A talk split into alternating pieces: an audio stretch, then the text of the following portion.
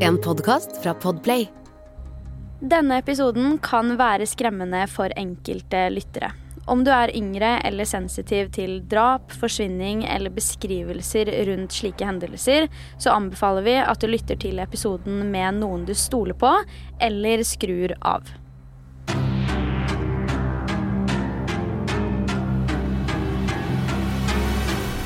Hei og velkommen til en helt ny episode av Forsvinningsfredag podkast.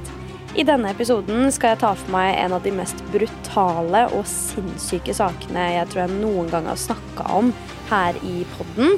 Og det er nemlig saken som går under navnet Hello Kitty-saken. Det er jo noen ganger at jeg ber deg som lytter om å ta advarselen i begynnelsen av episoden litt ekstra på alvor, og denne gangen gjelder virkelig det.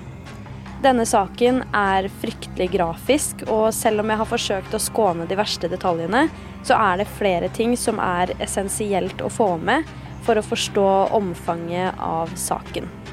Nå sett deg godt til rette, og la meg fortelle deg om Hello Kitty-saken. Denne saken handler om kvinnen Fan Manyi. Hun ble født i 1976 i Shenzhen i Kina, som ligger helt inntil Hongkong i sør. Shenzhen er faktisk en vanvittig stor by, og per 2021 hadde byen et innbyggertall på 12,5 millioner mennesker. Litt tilbake til Fanman Yi. Hun ble nemlig forlatt av foreldrene sine som barn, som gjorde at hun endte opp på et barnehjem kun for jenter i Matau Wai, som rett og slett er et nabolag i Hongkong. Som 15-åring ble hun imidlertid bedt om å forlate barnehjemmet, rett og slett fordi de hadde en regel som sa at de kun skulle ta vare på barna frem til de fylte 15. Etter dette måtte de klare seg på egen hånd. Hun hadde jo ingen nære på dette tidspunktet, og visste heller ikke hvordan hun skulle navigere seg rundt i livet alene. Så pga. det ender Fan Man-Yi opp med å bli hjemløs og må ty til alternative metoder. Hun ender opp med å ty til prostitusjon for å overleve, og var på tidspunktet også rusavhengig. Dette livet levde hun altså fra hun var 15 år og helt frem til hun fylte 21. Det er nemlig da hun bestemmer seg for å skaffe seg enda en jobb, og blir da ansatt på et bordell som lå i Sham Shui Po i Hongkong. Dette er da i samme bransje, men under litt mer regulerte forhold, som de kaller det. Hun hadde da på en måte en sjef, eller en pimp som de kaller det, men det betyr ikke at yrket hennes var noe særlig trygt i det hele tatt uansett mange kvinner i lignende situasjoner blir jo veldig ofte utnytta. Det er mye narkotika involvert, og det er generelt en farlig situasjon for de aller fleste. Mens hun jobber her, har hun fremdeles kunder som prostituert på egen hånd, og etter hvert får hun en god relasjon til en av disse kundene. Faktisk ender disse to opp med å flytte inn sammen og deretter gifte seg i 1996, og to år senere, i 1998, føder Fan Manyi sønnen deres. Selv om Fan Manyi hadde gifta seg og fått barn, så betyr dessverre ikke det at livet smilte helt fra alle kanter. Faktisk skulle det vise seg at ektemannen hennes var en voldelig mann, og naboer har fortalt at de veldig ofte hørte krangling, skriking og gråt fra leiligheten deres til alle døgnets tider.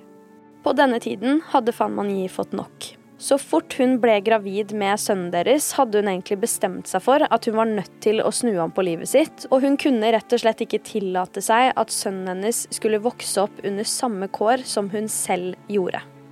Hun slutta derfor med diverse rusmidler, og hun slutta også med prostitusjon, for heller å skaffe seg en jobb som servitør på et utested, nemlig på Empress Karaoke Club. Det tok heller ikke lang tid etter at sønnen ble født at Fan Manyi valgte å gå fra ektemannen sin og selv ta hånd om barnet. Til tross for at det ville bety at hun ville være mye mindre økonomisk stabil, så føltes dette ut som det riktige valget. Hun ville heller slite økonomisk, jobbe hardt og skape et trygt liv for sønnen sin, enn å bo sammen med en voldelig mann som ikke ville noen av dem noe godt i det hele tatt. Sønnen til Fan Manyi sto i fokus. Det var det ingen tvil om. Nå la oss spole tiden litt frem til mai 1999. Det er i løpet av denne måneden at en 14 år gammel jente dukket opp på politistasjonen i Hongkong og fortalte at hun hadde en haug av mareritt for tiden, og hun mente at hun var hjemsøkt av et spøkelse. Naturligvis lurer jo da politiet på hvorfor i all verden det er hun dukker opp der, da dette ikke akkurat høres ut som noen politisak. Men til politiets store overraskelse fortalte jenta at hun følte det eneste rette faktisk var å dukke opp nettopp der. Det er jo også her ting begynner å bli litt merkelig. 14-åringen begynner nemlig å fortelle om disse marerittene. Hun forteller at de går ut på at en dame som er helt tildekket i blod, omtrent beordrer 14-åringen til å ta livet av seg selv. Og hun kommer med ufattelig mange skremmende bemerkelser overfor henne. 14-åringen forteller at hun pga. dette følte at den eneste måten disse marerittene ville ta slutt på, var om hun selv dro til politistasjonen og fortalte politiet sin hemmelighet. Hva denne hemmeligheten var, kommer jeg tilbake til, men aller først kan vi spole tiden tilbake til mars 1999, to måneder tidligere. 17. mars 1999 blir den da 23 år gamle Fan Man Yi kidnappet av tre medlemmer i en triade i Hongkong. En triade er rett og slett en slags mafia som herja mest i Kina på den tiden, og det er rett og slett en gjeng som driver med organisert kriminalitet. Det er verdt å nevne at disse medlemmene ikke var helt ukjente for Fan Mani fra før av. Hun kjente nemlig til noen av dem, altså fra tiden før hun fikk seg mann og barn. Flere av disse jobbet nemlig i forbindelse med dette bordellet som Fan Mani jobba på tidligere. Noen av de var også kunder, så det er jo da sånn de har kjennskap til hverandre. En av hennes faste kunder var da Shanman Luk, som på tidspunktet var det man vil kategorisere som en narkobaron i Hongkong. Dette var heller ikke ukjent info for Fan Mani, så fordi han var fast kunde og hun visste at han hadde mye penger, så ønska hun faktisk å stjele lommeboka hans. Shanman Luk var jo ikke bare en mann med mye penger, han var også en narkobaron folk var redde for. En farlig mann som man rett og slett skulle passe seg for. Til tross for det valgte faktisk Fan Mani å stjele lommeboka, som inneholdt 4000 Hongkong-dollar, som i dagens kurs tilsvarer i overkant av 5600 norske kroner. Han finner jo også ut av det her, og ikke bare ønsker han å få tilbake lommeboka med pengene. Han ønsker også å få 10 000 ekstra Hongkong-dollar, rett og slett som renter, fordi hun hadde stjålet fra han og vært respektløs. Fan Manyi endte utrolig nok opp med å faktisk betale disse 14 000 Hongkong-dollarene, men Shanman Luk var likevel ikke tilfredsstilt, så han la på et tilleggsgebyr på så mye som 16 000 Hongkong-dollar.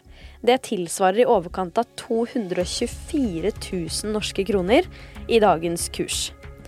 Det hadde Fan Mani naturligvis ikke økonomi til å betale på noe som helst måte, så da rotta Shanman Luk seg sammen med to andre og kokte sammen en plan.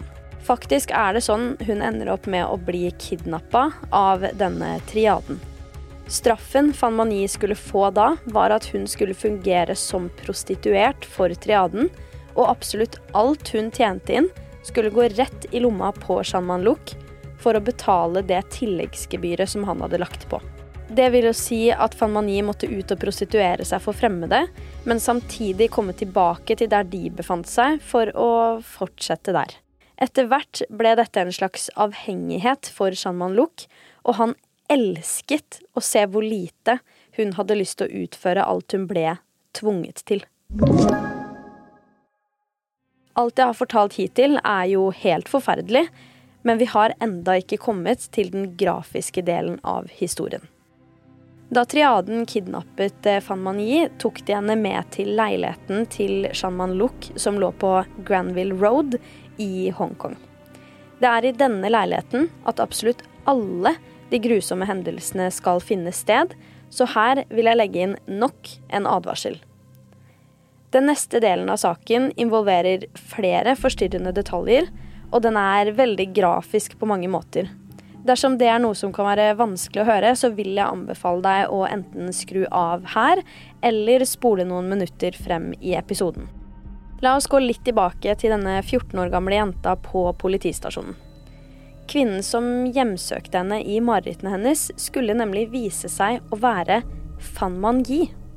Så hvem var egentlig denne 14 år gamle jenta, og hvordan har hun noe som helst med dette å gjøre? Vel, 14-åringen blir kalt A Fong for anonymiseringens del. Dette er navnet hun fikk av triaden den gangen, og A Fong har nemlig bevitna helt sinnssyke ting som har skjedd med Fan Man Yi, rett og slett fordi at hun var i et forhold med Shan Man Luk på tidspunktet.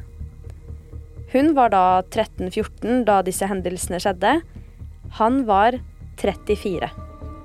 Det vil si at det faktisk er en 20 års alderforskjell mellom de to.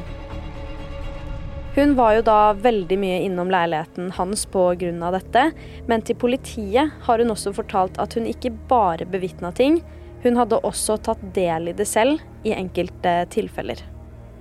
Fan Mani ble nemlig holdt fanget i denne leiligheten i en måned til sammen, og i løpet av denne måneden ble hun utsatt for grove overgrep, vold og tortur. A Fong ga et eksempel til politiet der hun sa at Shan Man Luk hadde begynt å slå og sparke Fan Man Yi en rekke ganger, og at hun hadde blitt med på det etter hvert. Hun sa også at hun rett og slett ikke visste hvor alvorlig dette her var på tidspunktet.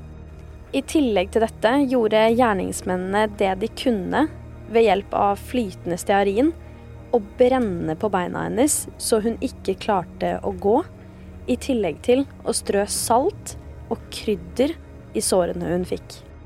Fan Man Yi ble, som vi skjønner, utsatt for helt forferdelige ting. Ikke nok med at hun ble banka opp såpass hardt at hun etterpå var helt ugjenkjennelig, men hun ble også tvunget til å spise avføring, spesifikt fra den 14 år gamle jenta. Dette var i de fleste tilfeller som erstatning til vanlig mat, eller faktisk god næring, da. Og i tillegg ble hun også ofte hengt opp, for så å bli banka. Det at disse tingene skjedde, og at ingen naboer eller lignende har merka noe som helst, er så forferdelig å i det hele tatt tenke på. De gangene Fanmanie ikke ble torturert, men likevel lå i store smerter, var triaden i et annet rom i leiligheten. De spilte videospill og tok en haug av narkotiske stoffer. Det er jo ikke utenkelig at disse tingene har gjort dem både enda mer oppspilt og også mer aggressive, og det var det Fan Mani fikk svi for. Som nevnt tidligere ble jo Fan Mani i utgangspunktet kidnappa for at triaden skulle tjene penger på henne, men etter hvert kom det til et punkt der de kundene som normalt sett kom innom, takka nei fordi hun var såpass mørbanka og ikke var til å kjenne igjen. Hun var ikke i stand til å gå omtrent, og hun var hoven over hele kroppen etter alt hun var blitt utsatt for. Fan Mani kunne ikke lenger gi dem den inntekten hun i utgangspunktet var der for, og det falt ikke akkurat i god jord hos triaden. De slutta da med prostitusjonen, men det betydde ikke at de var ferdige med å banke og torturere den stakkars jenta. De fortsetter å gå løs på Fan Man Yi frem til hun har vært i leiligheten i en måned, og på et tidspunkt faller hun inn og ut av bevissthet gjentatte ganger over flere dager. Det er etter at det har gått en måned at den 14 år gamle jenta faktisk finner Fan Man død. Det er jo også etter dette dødsfallet at marerittene til den 14 år gamle jenta dukker opp, og til slutt er det jo det som gjør at hun ønsker å gå til politistasjonen med da alt som har skjedd, ettersom hun rett og slett ikke orker en dag til med dette hengende over seg.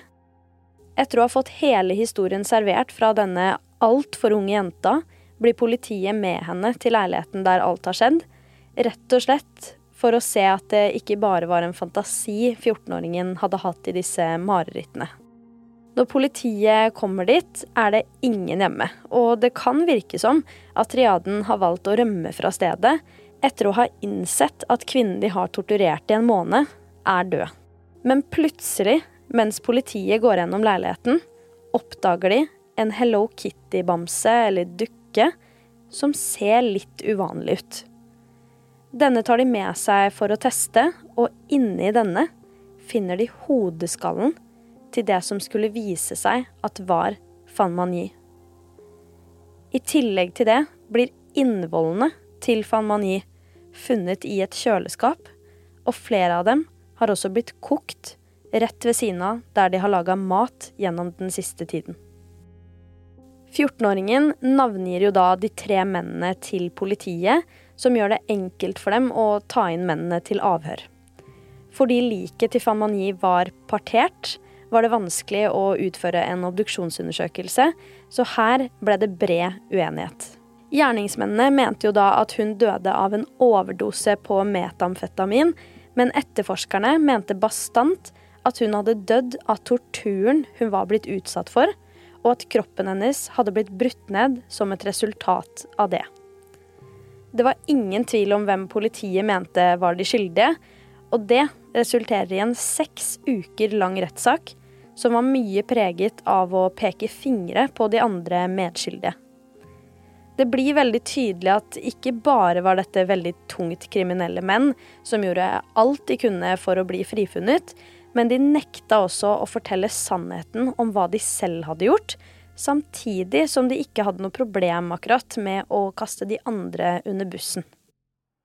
Den 14 år gamle jenta får da beskjed om at dersom hun vitner i retten mot både kjæresten sin og de andre skyldige, så slipper hun å bli straffeforfulgt, fordi de vurderte at hennes forklaring hadde høyere verdi enn den grad hun var medskyldig eller ikke.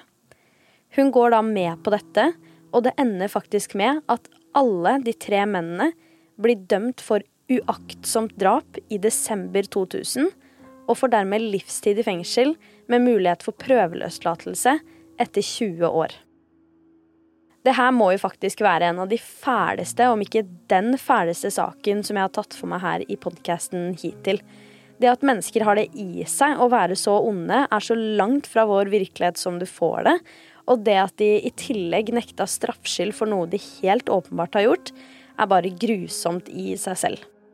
Jeg er som alltid veldig interessert i å høre dine meninger om denne forferdelige saken, så dersom du har noe du ønsker å dele med meg, så kan du mer enn gjerne sende det inn til meg på Instagram, der jeg heter Forsvinningsfredag. Du har hørt Forsvinningsfredag podkast med meg, Sara Høydahl. Tusen takk for at du har lytta til episoden. Vi er tilbake med en helt ny allerede nå på tirsdag. Og i mellomtiden, ta vare på deg selv.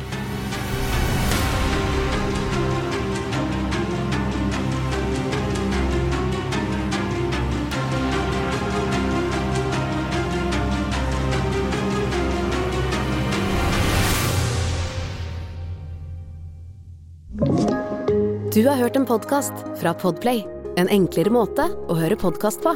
Last ned appen Podplay, eller se podplay.no.